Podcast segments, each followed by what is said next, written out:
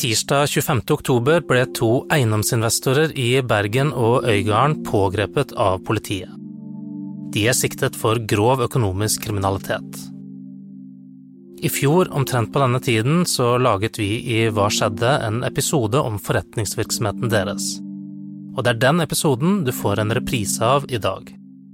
Der får du høre hvorfor småsparere over hele Norge etterlyser pengene sine. Over hele landet har småsparere lånt ut pengene sine til to investorer i Bergen. Til sammen dreier det seg om rundt 200 millioner kroner som skulle brukes på tomteutvikling. Men for mange av dem drøyer det med tilbakebetalingen, og nå lurer långiverne på hvor pengene har blitt av. Kyrre Kjellevold har snakket med mange av dem. Han har vært forsker på Norges handelshøyskole og er ekspert på regnskap. Nå er han økonomijournalist i Bergens Tidende. I vår første historie om saken så snakket vi jo med en sønn som opplevde at faren hadde lånt ut 250 000 til Halhjem. Så for han var jo dette en utrolig fortvilet situasjon å stå i.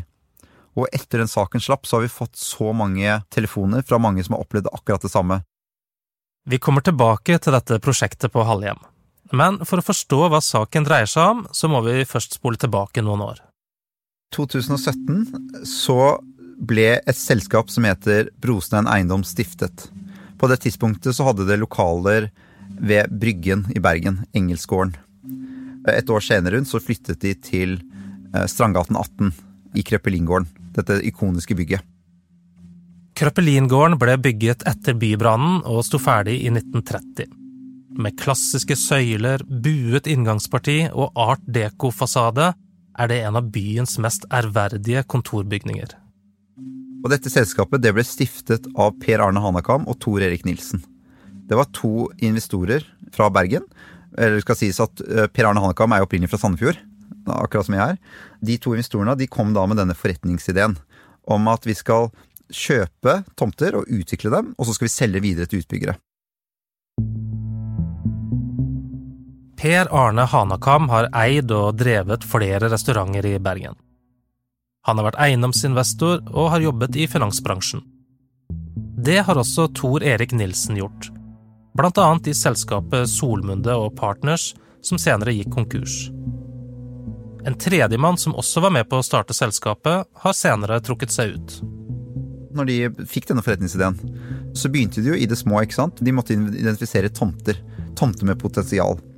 Og det vi vet, er at de begynte jo veldig tidlig på Halhjem i Os skaffet de seg en opsjon på en tomt der, som de kaller på folkemunne heter Bjørnen. Så startet de et reguleringsarbeid. Og de begynte å hente inn penger. ikke sant? De måtte kjøpe den opsjonen. En opsjon er jo en rett til å kjøpe en tomt. Og vi vet at totalt så hentet de jo inn rundt uh, I hvert fall 2019-regnskapet viser at de hentet inn rundt 22 millioner kroner da, for å kjøpe den tomten på Halhjem. De organiserte seg sånn at Brostein Eiendom var jo fronten. Det møtte folk. Ikke sant? De, de holdt til i Strandgaten 18. Men så hadde de et eget system av eiendomsselskaper som kjøpte disse tomtene. Ansatte i Brostein Eiendom de henvendte seg til vanlige folk, småsparere, og etter hvert også sånne semiprofesjonelle investorer, og tilbød dem veldig gunstige lånerenter. Avtalen var en rente på skyhøye 12 Lånetiden var i utgangspunktet ett år, med mulighet for seks måneders forlengelse og den første tiden så det ut til at alt gikk som det skulle. I starten så, så, vet vi jo at de hentet inn kapital, og de som kom først inn, de kom også ut i stor grad med skinnet behold. Men noe skjedde. Underveis der så var det da, drev de i hvert fall et uh, suksessfullt foretak med flere ansatte. På et tidspunkt i 2018 så vet vi at de hadde rundt seks ansatte i Brostein Eiendom. De ringte folk, kom inn på salgsmøte, der de ble møtt med flere selgere som ba dem signere. Ikke sant? Så der satt de, og så ble de presentert for en lånekontrakt. Her skal du gi så og så mye til oss, du skal få den renten, eh, og du skal få pant her. Og så signerte de, og så var det en advokat da som fikk ansvaret for å sikre det oppgjøret og sikre den panten. Disse selgerne fikk jo provisjon for det arbeidet de gjorde. Og sånn gikk det, da. Vi vet jo at de har samlet inn over Långivere har gitt over 200 millioner. Egentlig skulle hele lånet betales tilbake på én gang, men mange opplevde at pengene uteble. En av dem var Hans Teige, som lånte ut 250 000 kroner som han hadde spart til han ble pensjonist. I mars i fjor døde han av kreft, uten å ha sett snurten av pengene. Sønnen hans har fortalt til BT hvordan faren gråt mye på slutten av livet. Var det noe som burde fått varsellampene til å lyse hos de småsparerne som eh, ble presentert for dette? Vel, du kan jo tenke deg, Rune, hvis noen ringer deg og tilbyr 12% rente, så er jo det et veldig godt tilbud når du tenker på at bankrenten på det tidspunktet var jo knappe 1 ikke sant? Og lånerenten på huslånet var ja, 2 Allerede der så kan man jo si at man bør ha en lys varsellampe når noe er for godt til å være sant. Men vi vet at flere ble ringt mange ganger før de sa ja. Vi vet at de ble møtt med prospekter på disse tomtene som så profesjonelle ut. Ordentlig grafisk arbeid med verdivurderinger signert av profesjonelle.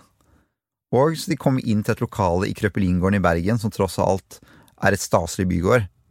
De hadde nok en god grunn til å tenke seg at dette var et profesjonelt foretak med gode hensikter.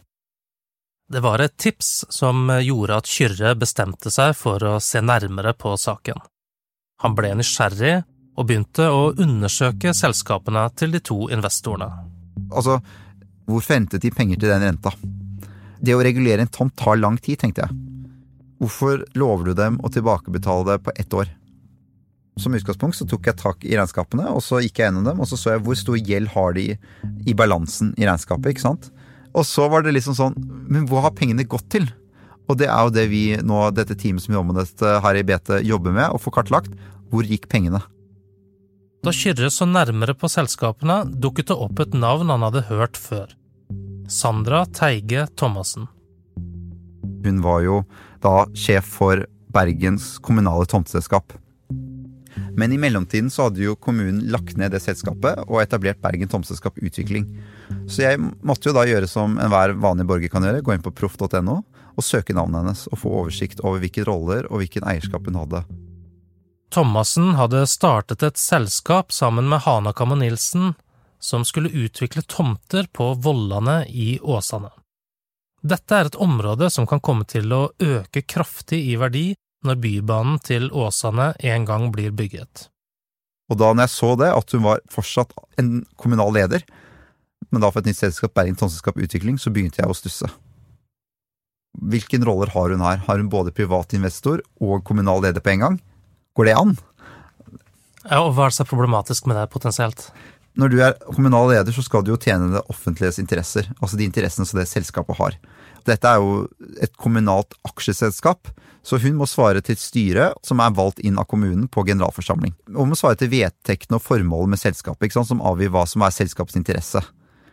Men selskapets interesse trenger ikke å være sammenfallende med det private selskapets interesse, ikke sant? Det viste seg at det var flere forbindelser mellom tomtesjefen og investorene. Hun var ikke bare investor her. Hun også, hadde også et enkeltmannsforetak som solgte reguleringsrådgivning til annet Per Arne Hanakam og Tor Erik Nilsen. Så hun hadde på en måte Den ene, hun var ansvarlig for å selge de tomtene til kommunen for best mulig pris. Hun var to, solgte sin ekspertise til Hanakam og Nilsen andre om hvordan de skal håndtere kommunen. Og hun var medinvestor med disse ute på Vollan i Åsane. Det er jo tre ulike interesser hun tjener på én gang. Sandra Teige Thomassen og det kommunale tomteselskapet har hatt kontorer ulike steder i Bergen. Men sommeren 2018 flyttet hun inn i Krøpelingården. I samme kontorfellesskap som Hanakam og Nilsen. Så der satt hun og arbeidet både med de spørsmålene hun hadde fra kommunal side, men også de spørsmålene hun hadde som medinvestor med dem, og det hun hadde fra det rådgivningsselskapet hun drev som et enkeltmannsforetak så bidro hun også av opplæring av Brostein Eiendoms ansatte. Hun bidro til å hjelpe selgerne med å besvare spørsmål rundt reguleringsplanene. Vi har snakket med flere tidligere ansatte i Brostein Eiendom som forteller at hun kunne bli kalt inn på signeringsmøter der hun skulle forklare hvor usikkerheten lå, tidsperspektiv og slike ting. Og på den måten så bidro hun til å gjøre folk sikre. Thomassen har fortalt til BT at hun jobber deltid i det kommunale tomteselskapet og at hun ifølge arbeidsavtalen har rett til å ha andre engasjementer ved siden av. Hun understreker at hun har varslet styret om mulige dobbeltroller, og at hun har meldt seg inhabil i enkelte saker. Hun skriver også at hun ikke har hatt noe med finansieringen av tomtekjøp å gjøre. Men kommunen vil ha flere svar. Lederen av kontrollutvalget mener saken bør granskes. Samtidig sitter det flere långivere og er fortvilte over at pengene ikke har kommet. Vi har snakket med veldig mange. Til første sak snakket vi med 36 långivere. Og de fortalte jo oss at de ble utrolig frustrerte når pengene ikke kom som avtalt. De aller fleste vi har snakket med, er jo over pensjonsalder. De har investert det som skulle være deres pensjonsmidler, det som skulle være deres arv, så for mange så har det fått ganske alvorlige konsekvenser. Og vi må huske på én ting, at det å gå til advokat er veldig dyrt. Hvis du allerede har tapt veldig mye av sparepengene dine, så dette er en sårbar gruppe mennesker. Så da har du to ting. Du må enten velge om du skal stole på det, som tross alt er veldig på overtid, du skulle fått pengene tilbake for lenge siden, med renter. Eller så skal du gå til rettslige skritt, og da må du ta en kostnadsavveiing. Så veldig mange sitter jo og håper og håper og håper at dette skal gå, men det håpet har vart lenge, da. Hvor mye på overtid er det nå, da? For noen er det overtid på to år. De vi har snakket med, har jo vel over 50 millioner ikke sant, i utestående lån, og det er ekskludert renter.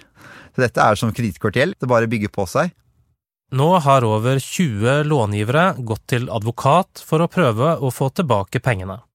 Hanakam og Nilsen har ikke villet stille til intervju med BT. Men i en e-post skriver de at de har inngått avtaler om salg av tomter for over 400 millioner kroner. Salgene har blitt forsinket av pandemien, skriver de. De har ikke svart på spørsmål om hvem kjøperne er, når betalingen skal gjennomføres, og hvilke tomter det gjelder. Vi har jo stilt en rekke spørsmål, og vi jobber med å få svar. De har på en måte ikke handlet i tråd med det prospektet og den ideen de solgte til långiverne. Og hvorfor de ikke har gjort det, det kan, jeg kan ikke gå inn i hodene deres, Eh, men vi skal, kan være sikre på at de skal fortsette å stille et spørsmål, så de kan forklare seg. Du har hørt eh, Hva skjedde? En podkast fra Bergens Tidende. Følg oss og del gjerne denne episoden med noen andre hvis du likte det du hørte. Denne episoden er laget av Anna Offstad, Arve Stigen og meg, Rune Christoffersen.